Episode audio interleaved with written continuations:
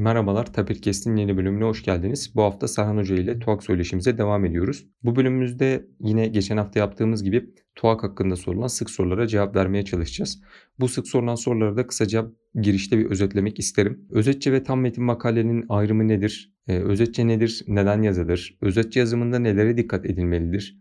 Makalelerin yazımında kullanılması gereken taslaklar nelerdir? Bu taslaklardaki kuralların kaynağı neresidir ve bu taslaklardaki kurallara uymanın önemi nedir? Trackchair platformuna erişim ve metin güncelleme hakları, makale yazımında dikkat edilmesi gereken hususlar ve son olarak bir makale yazılırken kullanılabilecek araçlar ve platformlara değinmeye çalıştık. Bu soruların cevabını podcast'imiz içerisinde bulabilirsiniz. Ayrıca aklınıza takılan daha farklı sorular varsa ya da e, soruların açıklamasından tatmin olmadıysanız bizlere ulaşmaktan çekinmeyin. Keyifli dinlemeler.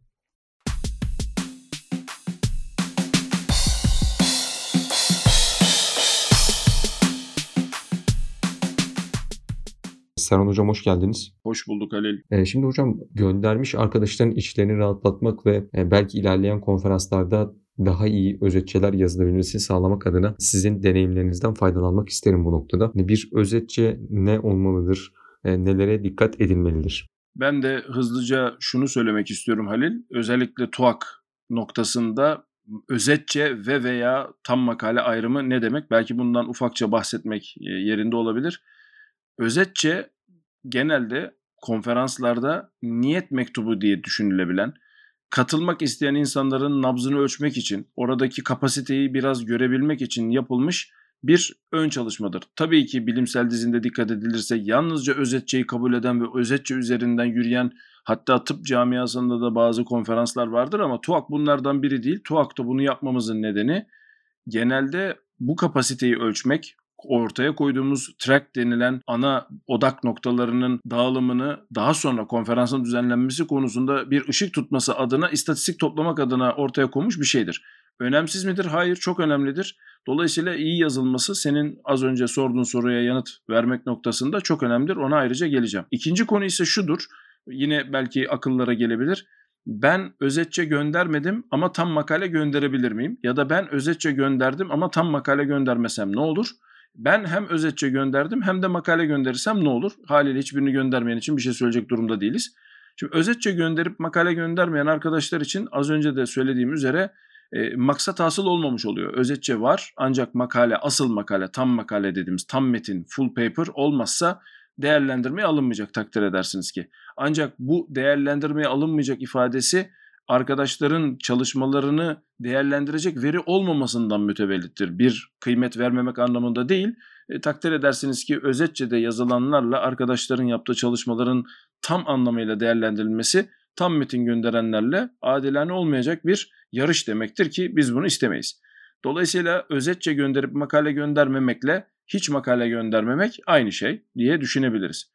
Özetçe göndermeyip tam makale göndermek mümkün müdür? Evet, tarihlere eğer sadık kalınırsa özetçe göndermeden de doğrudan tam makale gönderebilirsiniz. Ancak Trackchair'da sizden makale gönderirken girmenizi istenen boşluklar arasında yine bir özetçi olacağı için ancak bunun sıralaması ve kronolojisi e, arayüz tarafından belirleneceği için aslında bir önceki durumdan hemen hemen aynı şey oluyor. Yaklaşık elinizde bir özetçi varsa zaten onu girip tam makale sürümüne ulaşmış oluyorsunuz. Bu vesileyle bunu da söylemiş olayım e, Halil. Bu konuyla çünkü ilgili bir soru da gelmişti bana e, bireysel sohbetlerde. Konunun en önemli noktası senin sorduğun soruya hızlıca gelirsek konu şudur.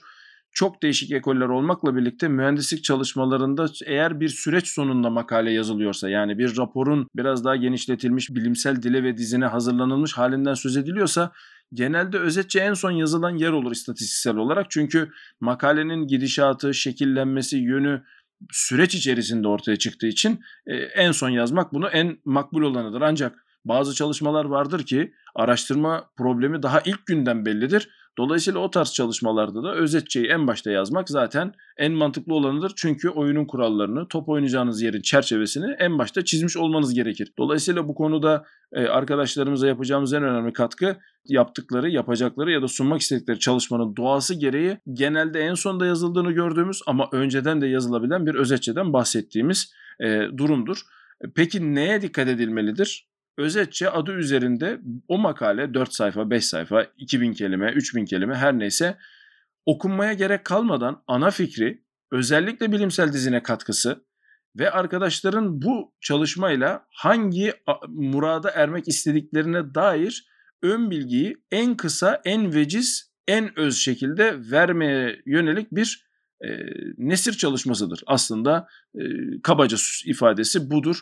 Tabii bunu olabildiğince az sözcüğe sıkıştırmak e, önemli bir meziyet, önemli bir yetenek. Göreceksiniz ki çok kolay olmayan bir e, efor olacak bu. E, dolayısıyla özetçe çalışmanın değerlendirilmesi aşaması öngörüldüğünde, makale taraması yapan diğer araştırmacılar düşünüldüğünde neredeyse makalenin en önemli kısmı diyebilirim Halil. Teşekkürler hocam. Zaten e, bir konuyla ilgili literatür araştırması yaparken bir makalede okuduğunuz ilk yer özetçe eğer özetçe iyi yazılmışsa büyük ihtimalle o çalışmaya devam ediyorsunuz.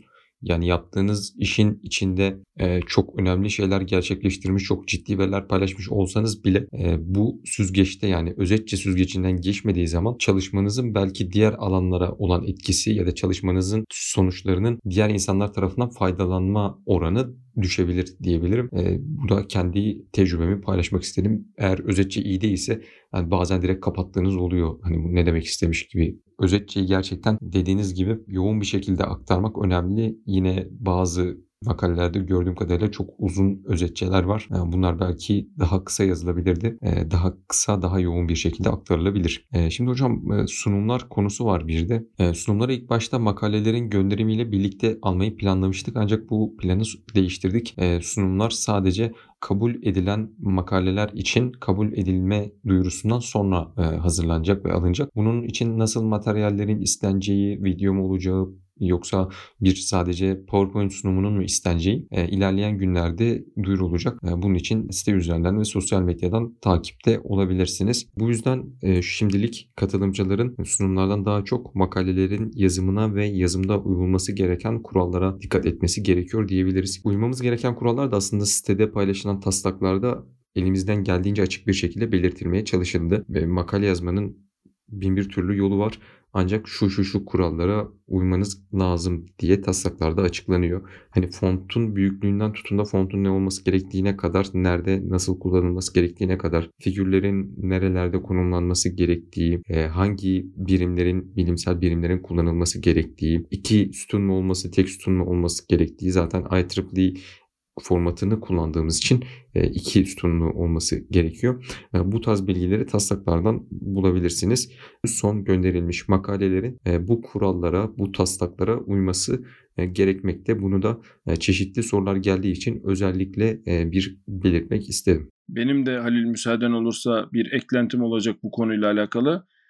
Makalelerin gönderimi için TUAK organizasyonu diyelim artık buna IEEE'nin organizasyonu IEEE Türkiye tarafından yapıldığı için ve IEEE sponsorluğunda olduğu için zaten sen de başında söyledin. Belki çok gözükmüyor ama e, özellikle Tapir'e de buradan bir teşekkür iletelim Tapir Lab'a. Bütün her şeyin IEEE'nin kuralları üzerinden uygulandığını takipçilerimize söylemek durumundayız. Yani burada sitede kullanılan renkler, fontlar, kullanılan şablonlar her şey IEEE'nin izni ve onayından geçmek durumunda arkadaşlar. Burada tabii böyle bir algı oluşuyor e, benim anladığım kadarıyla. Burada keyfi yapılan hemen hemen hiçbir şey yok. Dinleyenlerimize bunu açık yüreklilikle söyleyebileceğimiz bir durum bu. Hatta bunu en iyi bilenlerden birisi de sensin. Sürekli e, özellikle Vehicular Technology Society'den Trackchair'i yöneten Amerikalı e, arkadaşlarla sürekli yazışma halindesin. Arayüzün bize açılan izinleri, bize sağlanan arayüzlerin belli parametreleri ve ayarları dışında çok da fazla oynanma şansı yok. Hatta kullanılacak fontların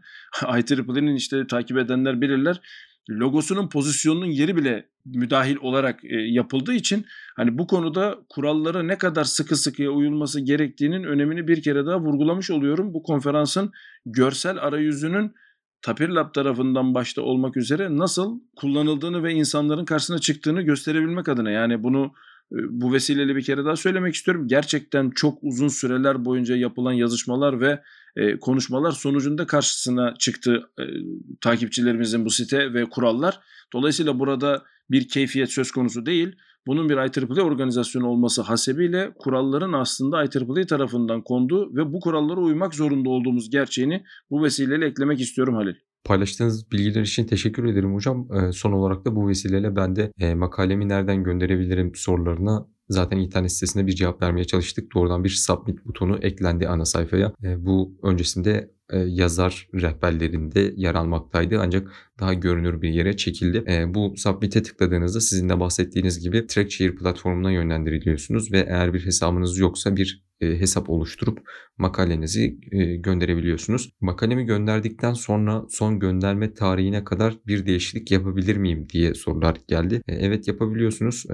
Orada sizin size izin verilen süre içerisinde zaten makale gönderim tarihleri kapatıldığında sizin değiştirme hakkınız, değiştirme imkanınız da olmayacak. Platform buna izin vermeyecek. E, son gönderim tarihine kadar oraya yüklediğiniz PDF'te değişiklikler yapabilirsiniz. Zaten TrackShare'ın e, yazar yardım sayfasının özellikle okunmasını tavsiye ediyorum. Sitede de oranın özellikle okunması gerektiğini belirtmiştik. Burada e, soruların büyük bir çoğunluğuna cevap veriliyor. Eğer gözden kaçıranlar olduysa e, burayı da tekrardan dile getirmiş olalım. Hocam son olarak sizin yazım konusunda typesetting ve bir makalenin e, oluşturulması, düzenlenmesi, yazılması konularında hani geleceğe yönelik öğrencilere bulunacağınız tavsiyeler nelerdir?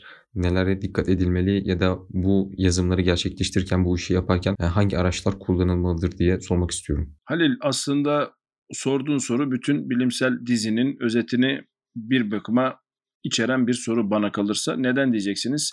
E, zaten bir konferansın düzenlenme amaçlarından en önemlilerinden bir tanesi bence bu. Bilimsel dizine yazılı yani bizim insanoğlunun bilebildiğimiz kadarıyla bize gelen kanıtlar vasıtasıyla işte son 10 bin yıldır en önemli araçlarından bir tanesi olan yazılı halde bırakma.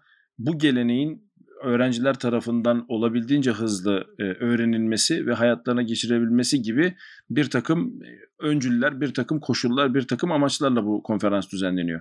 Şimdi bu konunun bizim senin sorduğun konuyla e, doğrudan bağlantısı da şu. E, takdir edersiniz ki önceden bunu taş tabletlere, killere kazıyan insanoğlu şu anda e, sayısal teknoloji kullanarak aynı şeyi yapıyor. Teknik olarak aynı şeyi yapıyoruz. Ancak bunu yaparken bunu en iyi yapmak için kullanılan platformlar ve e, zamanın ruhu adı altında e, nasıl bu işlerin yapıldığını insanların öğrenebilmesi için birkaç tane önerimiz var ki bunlardan bir tanesi mühendislik için olmazsa olmaz tek e, aslında çıkış yeri ama şu anda daha güncel sürümüyle LaTeX adı verilen zaten sizin de sitenin kılavuzlarında paylaştığınız bunun e, çevrim içi sürümlerinin de bulunduğu yani malum kullanan arkadaşlar biliyorlardır.